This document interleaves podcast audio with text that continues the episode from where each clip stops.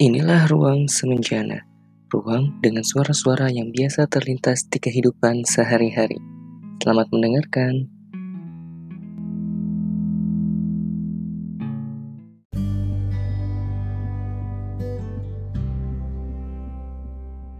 Menghargai perbedaan. Di awal tahun sebelum pandemi datang ke negeri ini, seorang kawanku bercerita kepadaku. Ia baru saja putus hubungan dengan pacarnya Ketika aku tanya apa penyebabnya, ia menjawab karena perbedaan selera musik di antara mereka.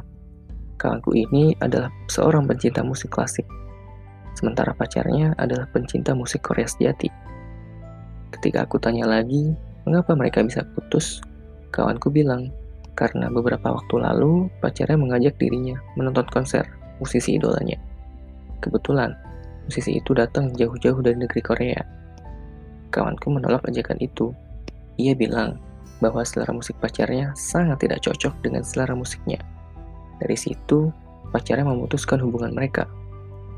Aku tidak habis pikir, mengapa dari perbedaan selera musik tersebut dapat membuat mereka putus hubungan.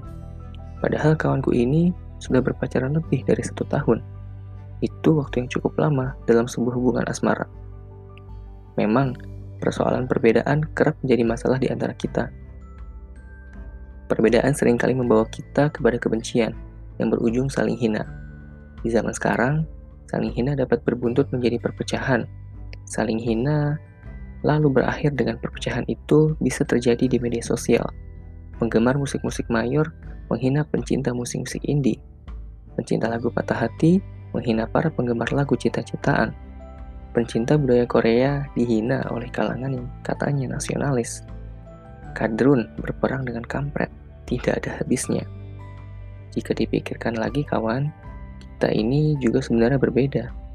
Kawan mungkin memiliki rambut bergelombang, sedangkan aku memiliki rambut lurus. Atau kawan memiliki kulit putih, sedangkan aku memiliki kulit sawah matang. Bukankah itu berbeda?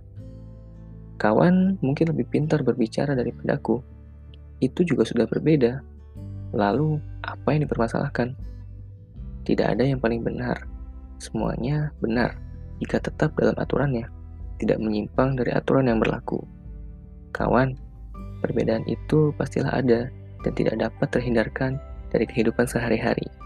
Baju yang kita gunakan saja sering berbeda setiap harinya, tetapi dari perbedaan itu kita dapat menghargai satu sama lain.